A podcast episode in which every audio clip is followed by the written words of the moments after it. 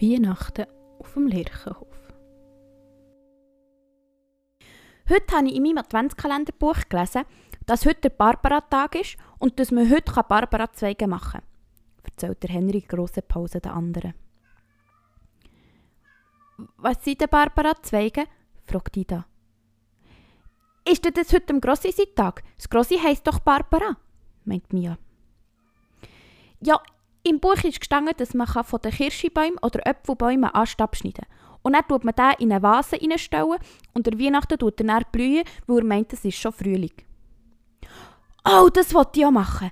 Es sieht immer so schön aus, wenn im Frühling Kirschbäume ihr Kosten blühen, sagt Ida. Oder Finn und Mia nicken zustimmend. Wir können doch sicher den Papa fragen, ob er uns von den Ästen abschneiden für Barbara Bäume. Nicht Barbara Bäume, Barbara Zweige, verbessert sie der Henry. Aber Henry, was denn das jetzt mit dem Grossi zu tun? fragt Mia. Aber das weiss der Henry leider jetzt auch nicht so genau. Und schon läutet der Schuh wieder ein und die vier verschieben das mit diesen Barbara-Bäumen. Eh, ich meine Barbara-Zweige auf später. Ida verspricht auf dem Heimweg, dass sie oder Finn ihren Papi fragen, ob er ihnen ein paar Äste von den Bäumen abschneiden kann, damit sie auch Barbara-Zweige machen können. Wir könnten ja allen von den Ästen bringen, am Levin oder Emma oder Maya oder Lara auch, dann haben wir alle schöne Barbara-Zweige an Weihnachten, sagt Ida. Und die Großmutter auch und der Murgrossi, ergänzt der Finn. Das finden alle eine super gute Idee. Oder Frederik, der erst auf dem Heimweg von der Barbara-Zweige hat erfahren. Nach dem Mittag sieht man also fünf Kinder und ein Papi im Entenmarsch durch die Hosten laufen und hier und da ein paar Zweige abschneiden. Das ist eigentlich gerade super. Die Bäume müssen wir im Winter nämlich alle zurückschneiden, damit sie im Frühling und im Sommer dann auch wieder viel Früchte tragen können, erklärt der Papi den Kindern. Anschliessend tragen die Kinder all die Zweige vor Hosten zum Hof. Dida und Mia bringen der Maya oder Lara ein paar Zweige vorbei und die Buben machen sich mit ein paar Zweigen auf den Weg zum Levin und zur Emma. Wo auch die Urgroßmutter hat ein paar Zweige bekommen und sich über das Geschenk der Kinder sehr hat gefreut, meint der Henry. Also, jetzt müssen wir aber noch ein paar Zweige am Grossi bringen und dann können wir sie auch gerade fragen, warum heute Barbara-Tag ist. Vielleicht hat ja sogar sie Barbara Zweige gerade erfunden. Nein, das sagt sie nicht, meint die Großmutter, die sich wahnsinnig über den Besuch der Kinder und die mitgebrachten Zweige freut.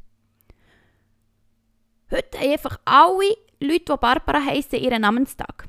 Aber ich habe nichts mit den Barbara-Zweigen zu tun, sagt sie und lacht. Als ich noch ein Kind war, haben wir auch jedes Jahr Barbara-Zweige Aber das ist schon lang, lang her.